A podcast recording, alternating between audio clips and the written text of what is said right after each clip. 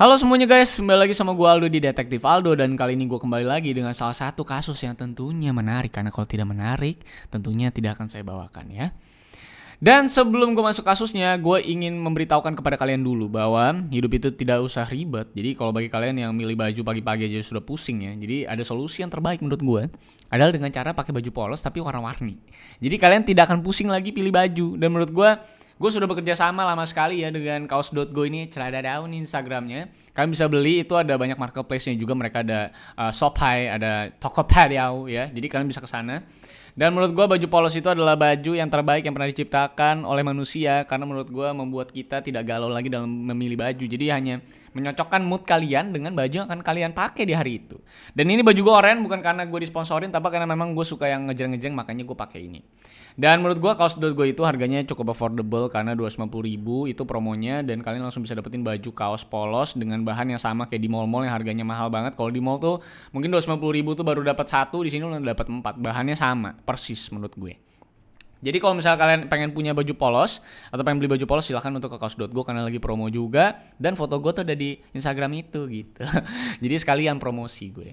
Oke, nah kali ini kasus yang mau gue bawa ini adalah soal pembajakan pesawat Egypt Air atau maskapai Mesir ya official dari negara Mesir. Dan memang kalau ngomongin masalah Egypt Air ini adalah salah satu maskapai yang langganan banget dibajak pada masa-masanya. Jadi menurut gue pembajakan yang terjadi itu memang sering terjadi di daerah-daerah yang penuh konflik gitu ya. Salah satunya memang uh, di daerah-daerah dekat Egypt atau Mesir. Nah, yang menarik adalah bagaimana proses terjadinya karena memang ini di breakdown dengan cukup detail jam per jamnya gitu ya. Kalau biasa pemerintah tuh masih sering meng, apa ya bisa dibilang menutupi prosesnya tapi EGPR ini memberikan cukup jelas masalah kronologi terjadinya pembajakan ini. Nah, gue akan ceritakan kepada kalian, tentunya nanti kita akan juga prosesnya apakah sekeren pembebasan Kopassus terhadap eh, Garuda yang pada saat itu dibajak, yang video gue cukup banyak yang views juga tuh pada saat itu. Jadi mungkin gue rasa kalian tertarik dengan kasus-kasus pembajakan dan ini dinilai menjadi salah satu pembajakan paling berdarah yang pernah terjadi di muka bumi ini. Karena masalah strategi dan aksinya memang kurang dipikirkan matang dan memang terkait dengan para pembajaknya juga cukup sadis. Jadi mari kita mulai kasusnya. Sebelum itu silakan untuk like, share, dan subscribe dulu pastinya untuk support channel ini karena memang sering dolar kuning ya. Jadi support kalian tuh sangat berarti buat gue. Dan pastikan juga follow gue di @rivalsantosa. Gue dari Instagram, ada di Twitter. Kalian di sana bisa DM DM gue kasus yang menarik. Lagi-lagi gue nggak bisa berjanjikan atau uh, menjanjikan ya bakal balas satu persatu, tapi gue akan baca satu persatu kok tenang aja gitu ya. Dan pastikan juga kalian kalau mau lihat pikiran-pikiran gue yang lain, kalian bisa ke Twitter gue. Oke, mari kita mulai kasusnya dan kita mulai intronya dulu guys. I lost myself. I waited still. Oke, sebelum gue masuk ke pembahasan dari kronologi dari pembajakan EGPR ini, gue pengen kasih ke kalian dulu tahu tentang konteks di efficient security-nya dulu. Jadi, pada masa-masa 1985, aviation security itu belum seketat sekarang, belum se-advance sekarang. Dan memang baru melakukan perkembangan itu pasca 911 atau 9-11 di tahun 2001 pada saat itu di Amerika. Yang berujung dengan robohnya Twin Tower di Amerika. Dan memang 2006 itu lebih advance lagi di saat para penumpang itu tidak boleh membawa yang namanya liquid ke cabin. Dari ukuran berapa atau berapa mili gitu gue lupa. Yang memang terkait dengan penemuan Inggris soal bom peroxide. Jadi konteks ini gue bawa supaya kalian nggak nanya kenapa oh, pembajak ini kok bisa bawa senjata api gitu segala macam. Dan memang karena memang sangat berbeda dengan security guard yang ada sekarang. Sekarang kita uh, security-nya tuh double check, triple check bahkan gitu. Ya. Beberapa di negara-negara yang maju juga lebih ketat lagi yang namanya security-nya. Jadi gue kasih tau kalian dulu konteksnya seperti apa gitu ya aviation security pada masa itu. Nah, oke kita mulai ke kronologinya nih. Jadi kronologi ini atau pembajakan Egypt Air ini terjadi tepatnya pada 23 November 1985, tepatnya jam 9 malam hari Sabtu waktu Mesir. Egypt Air Flight 648 atau 648 itu Boeing 737 itu take off membawa 92 penumpang dan juga 6 kru. Punya jadwal terbang itu dari Athens Airport Yunani menuju Kairo Mesir. Lalu pada pukul 9.15 malam jadi setelah 15 take off itu para flight attendants itu mulai memberikan koran kepada para penumpang khususnya di first class dan business classnya dan di jam tersebut juga para pembajak ini juga ikut beraksi. Jadi 15 menit setelah take off setelah di udara itu para pembajak juga langsung beraksi. Dimulai dengan pemimpin dari pembajakannya ini itu mendobrak masuk ke dalam kokpit tempat para pilot duduk gitu ya. Dan juga yang dua lagi itu menjaga bagian depan dan belakang badan pesawat yang semuanya itu memakai topeng dan memperlihatkan senjata dan granat sambil berteriak don't move kepada para penumpang dengan bahasa Arab. Lalu pada 9.20 malam itu para penumpang ini diminta itu untuk menyerahkan paspor mereka. Tujuannya apa? adalah untuk menyortir warga negaranya. Jadi para pembajak ini pengen tahu penumpang dari mana aja yang ada di pesawat ini. Nah, lalu pada jam 10 malam tepat, ada salah satu penumpang yang belum memberikan pasportnya dan ternyata dia adalah security guard Mesir. Jadi kalau misalnya ngomong security guard ada di pesawat, biasanya memang setiap penerbangan itu biasanya itu ada penumpang-penumpang yang menyamar gitu ya. Padahal dia itu adalah security guard untuk bisa yang namanya menghandal atau menghandal, mengendalikan kalau kalau terjadi pembajakan seperti ini. Dan itu adalah tugasnya security guard yang menyamar jadi penumpang. Dan saat itu para teroris ini saat meminta itu belum tahu bahwa dia adalah security guard. Tapi memang bukannya ngasih paspor, ternyata security guard ini malah ngeluarin pistol dan nembak mati pemimpin pembajak ini yang memang akhirnya terjadi baku tembak juga sampai security guardnya juga ikut cedera dan begitu juga beberapa penumpang. Dan aksi tembak menembak ini juga merusak badan pesawat yang ngebuat pesawatnya akhirnya menjadi depressurized dan masker oksigen langsung keluar. Jadi di ketinggian tertentu itu pesawat bisa terjadi yang namanya depressurized kalau memang ada badan pesawat yang tiba-tiba bolong gitu. Nah setelah terjadinya depressurized inilah para pembajak yang tersisa ini kan ada dua orang gitu ya. Lalu bilang kepada para penumpang untuk jangan bergerak. Dan mau tak mau pada jam 9.30 malam waktu negara Malta, Egypt Air ini mendarat di Malta untuk membetulkan pesawat. Lalu memang informasi pembajakan ini sudah tersebar ke negara Malta dan Perdana Menteri Bonici, itu Perdana Menterinya Malta, juga sudah berada di control tower untuk berkomunikasi dengan pembajak. Sambil Bonici ini juga ikut yang namanya diskusi dengan pemerintahan Mesir karena kan maskapainya maskapai Mesir gitu ya untuk mengambil berbagai keputusan. Dan pada saat itu pembajak melakukan permintaan bahan bakar dan juga teknisi untuk membetulkan pesawat yang sudah tertembak ini dan sudah mengalami yang namanya depressurize. Dan permintaan keduanya adalah ambulans dan juga dokter karena ada beberapa penumpang yang terluka karena aksi baku tembak yang terjadi antara security guard dan juga pemimpin pembajak yang sudah meninggal juga. Lalu beberapa menit kemudian permintaan keduanya dikabulkan dan dokter masuki pesawat untuk merawat beberapa penumpang yang terluka karena aksi baku tembak yang ter terjadi. Lalu pemerintah Malta ini mengatakan bahwa tidak akan memberikan yang namanya bahan bakar sampai para penumpang itu bisa dilepaskan dari pesawat. Dan setelah beberapa saat berpikir, para pembajak ini menyuruh Captain Galal, yaitu pilot dari Egypt Air ini, untuk membawa dua orang penumpang yang terluka dan dua pramugari untuk turun dari pesawat. Jadi diantarin sama Captain Galal, setelah diantarin Captain Galalnya kembali masuk. Karena kan Captain Galal yang nerbangin pesawat gitu ya, karena memang tujuan mereka adalah untuk ngisi bahan bakar, betulin pesawat, lalu pergi lagi. Lalu seperti biasa kan pemerintah itu terus mengulur waktu untuk pemerintah bisa memikirkan strategi selanjutnya dan memang strategi yang sangat lumrah dilakukan oleh pemerintah untuk ujung-ujungnya melepaskan para penumpang dan biasanya menembak mati para pembajak. Jadi memang sengaja diulur-ulur, pemerintah-pemerintahnya itu sengaja dihambat-hambat supaya bisa strateginya tepat, ada pasukan yang akhirnya bisa menyerbu dan menyelamatkan para penumpang dan menembak mati biasanya para pembajak. Dan setelah berapa lama negosiasi, pada tengah malam para pembajak ini melepaskan akhirnya 11 wanita yang adalah warga negara Mesir dan juga warga negara Filipina. Dan di saat yang sama mereka juga sebagai bentuk dari warning gitu ya, itu menembak wanita Israel dan membuang wanita ini ke jalanan runway airport. Jadi memang benar-benar kayak ngebunuh orang habis itu orang yang ditembak itu dibuang aja di jalanan. Lalu setelah dua kali minta bahan bakar tapi tidak dikabulkan juga oleh pemerintah Malta, hasil dari diskusinya juga dengan pemerintahan Mesir, untuk ketiga kalinya para pembajak ini juga meminta terus bahan bakar dan lagi-lagi ditolak oleh pihak pemerintah yang mengharuskan semua penumpang itu dirilis terlebih dahulu atau dilepaskan terlebih dahulu sebelum bahan bakar bisa diberikan. Tapi pembajak ini kan ya gak bego gitu ya. Di mana kalau mereka misalnya melepaskan para penumpang, tentunya setelah para penumpang lepas, tentunya kan para pasukan-pasukan dari Mesir atau Malta ini tentunya akan menyerbu pesawat tersebut dan juga menangkap mereka semua. Jadi makanya mereka tidak mau melepaskan seluruh sandranya. Maka dari itu pembajak ini justru malah mengancam akan membunuh penumpang dan akan membunuh satu penumpang setiap 10 menit sekali. Jadi durasinya cukup pendek untuk pemerintahan Mesir dan pemerintahan Malta itu untuk berpikir dan mengambil keputusan. Dan benar aja 10 menit setelah ancaman tersebut, para pembajak ini membunuh satu penumpang warga negara Israel. Kalian bisa perhatiin ya warga negara yang dibunuh-bunuh sama para pembajak ini karena memang warga negaranya ini memang menjadi sebuah kunci dalam konteks pembajakan ini.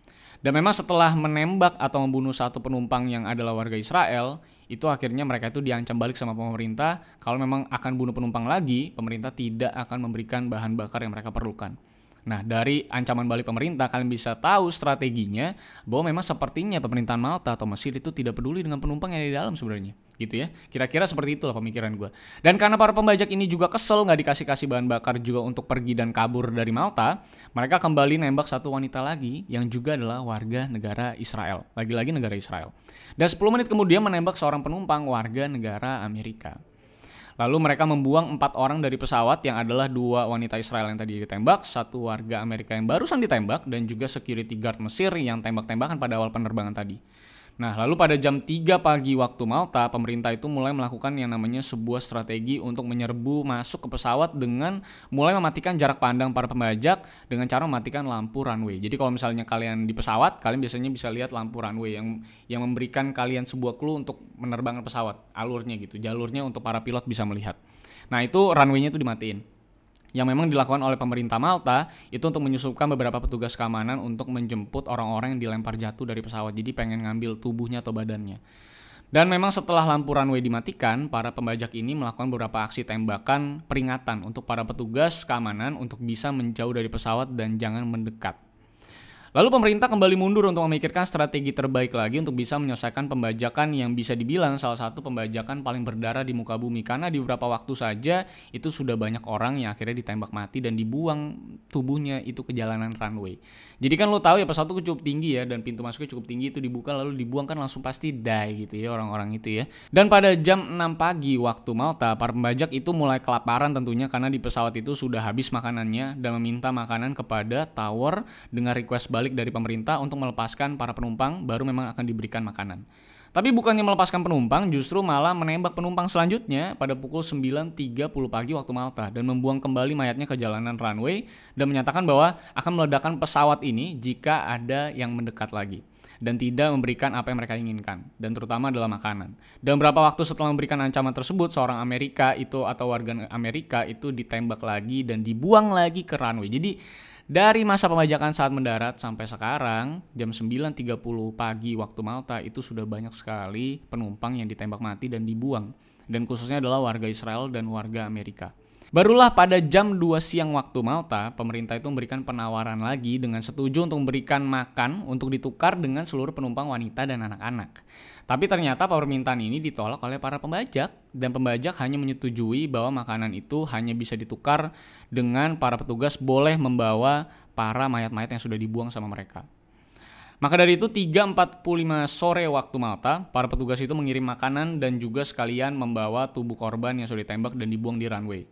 Dan setelah negosiasi terakhir inilah, setelah pengambilan tubuh para korban tersebut jam 3.45, pemerintah Malta merasa bahwa inilah titik terakhir negosiasi mereka dan harus segera melakukan yang namanya raid atau penggerebekan untuk menyelesaikan pembajakan berdarah ini dan penyanderaan ini dan menetapkan pasukan untuk menyerang para pembajak. Dan tepat pada jam 8.15 malam waktu Malta, itu 25 pasukan komando Mesir itu bersiap dan menyerang pesawat. Nah pertanyaannya mungkin bagi kalian kenapa kok bisa pasukan Mesir kan itu di negara Malta gitu ya. Nah biasanya memang pasukan itu dikirim tuh ke sebuah negara yang memang di mana maskapai mereka tuh mendarat karena biasanya memang yang ditugaskan harus adalah pasukan dari negara asal maskapai tersebut.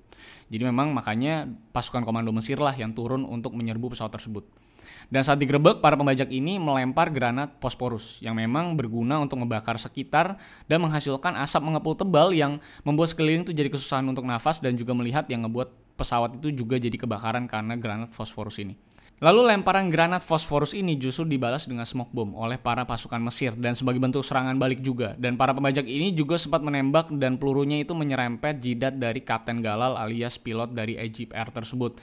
Yang memang ikut berjuang untuk menumbangkan para pembajak sambil membawa kapak dan menyerang salah satu pembajak dengan kapak. Dan di sisi lain para pasukan Mesir ini juga menumbangkan pembajak terakhir yang bernama Omar Rezak. Dan berakhir dengan beberapa penumpang juga luka-luka di akhir pertempuran tersebut. Jadi kalau lu lihat dari awal sampai akhir sampai penggerebekannya itu benar-benar strateginya di, tidak dipikirkan matang-matang dan memang yang dipikirkan sama pemerintah Mesir itu seakan-akan hanya ingin ngerit dan ngebunuh para pembajak. Udah tok itu doang. Jadi nggak pengen menyelamatkan penumpang gitu kesannya. Dan memang semenjak pembajakan ini terjadi, Egypt Air itu memasukkan lebih dari 4 security guard untuk bisa nyamar jadi penumpang dan masuk ke setiap penerbangan Egypt Air. Biasanya itu cuma ada satu atau dua gitu ya. Tapi sekarang karena terjadi pembajakan berdarah ini, jadi sampai ada empat security guard yang masuk di setiap penerbangan. Dan di akhir pembajakan ini terbuka juga bahwa ada 59 orang yang tewas jadi korban dan termasuk dua pembajaknya dan juga 27 orang yang juga terluka dari korbannya aja juga sangat-sangat banyak ya. Dan masuk ke dalam salah satu pembajakan paling parah yang pernah terjadi sepanjang sejarah muka bumi ini. Dan memang Mesir ini kayaknya memang paling langganan soal pembajakan maskapai mereka gitu karena memang ada di daerah yang sering terjadi perselisihan politik.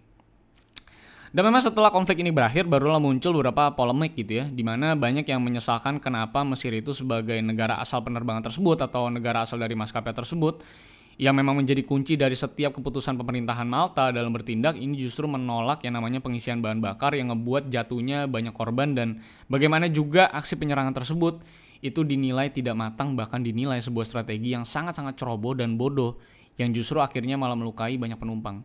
Dan strategi negosiasi mereka justru menewaskan banyak penumpang yang dibunuh tanpa harga diri sama sekali, ditembak lalu dibuang dari pesawat.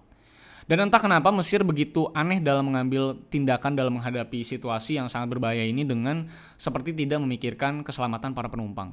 Yang disesalkan juga bagaimana media-media Mesir itu diberikan press release oleh polisi itu tentang bagaimana suksesnya para pasukan Mesir ini yang namanya menghantam para pembajak tapi justru tidak menceritakan seberapa banyak korban yang dihasilkan dari serangan tersebut atau hasil dari negosiasi dan strategi pemerintahan Mesir terhadap pembajakan yang terjadi ini. Dan memang baru akhirnya terbongkar betapa bobroknya strategi pasukan Mesir ini yang secara ceroboh menyerang para pembajak dengan tidak memikirkan para penumpang. Yang akhirnya terbuka beberapa hari kemudian setelah banyaknya media internasional yang akhirnya coba mengungkap fakta di balik strategi dan negosiasi yang dilakukan oleh pemerintahan Mesir kepada maskapai Egypt Air atau pembajakan maskapai Egypt Air. Nah, berbicara soal motif juga ternyata memang pembajakan ini hampir tidak punya motif yang cukup jelas dan konkret gitu sebenarnya. Tapi salah satunya adalah katanya pembajak ini berasal dari gerakan revolusi Mesir yang melakukan pembajakan ini untuk ditujukan kepada Presiden Mubarak dan menolak kehadiran Amerika dan kaum Zionis muncul di wilayah Mesir dan sekitarnya. Maka dari itu yang dibunuh either itu orang Israel atau orang Amerika sebagai bentuk ketidaksetujuan mereka dengan hadirnya bangsa Amerika di Mesir. Yang ternyata organisasi ini dinilai sebagai dalam pembunuhan Presiden Mesir Anwar Sadat periode 1970 sampai 1981.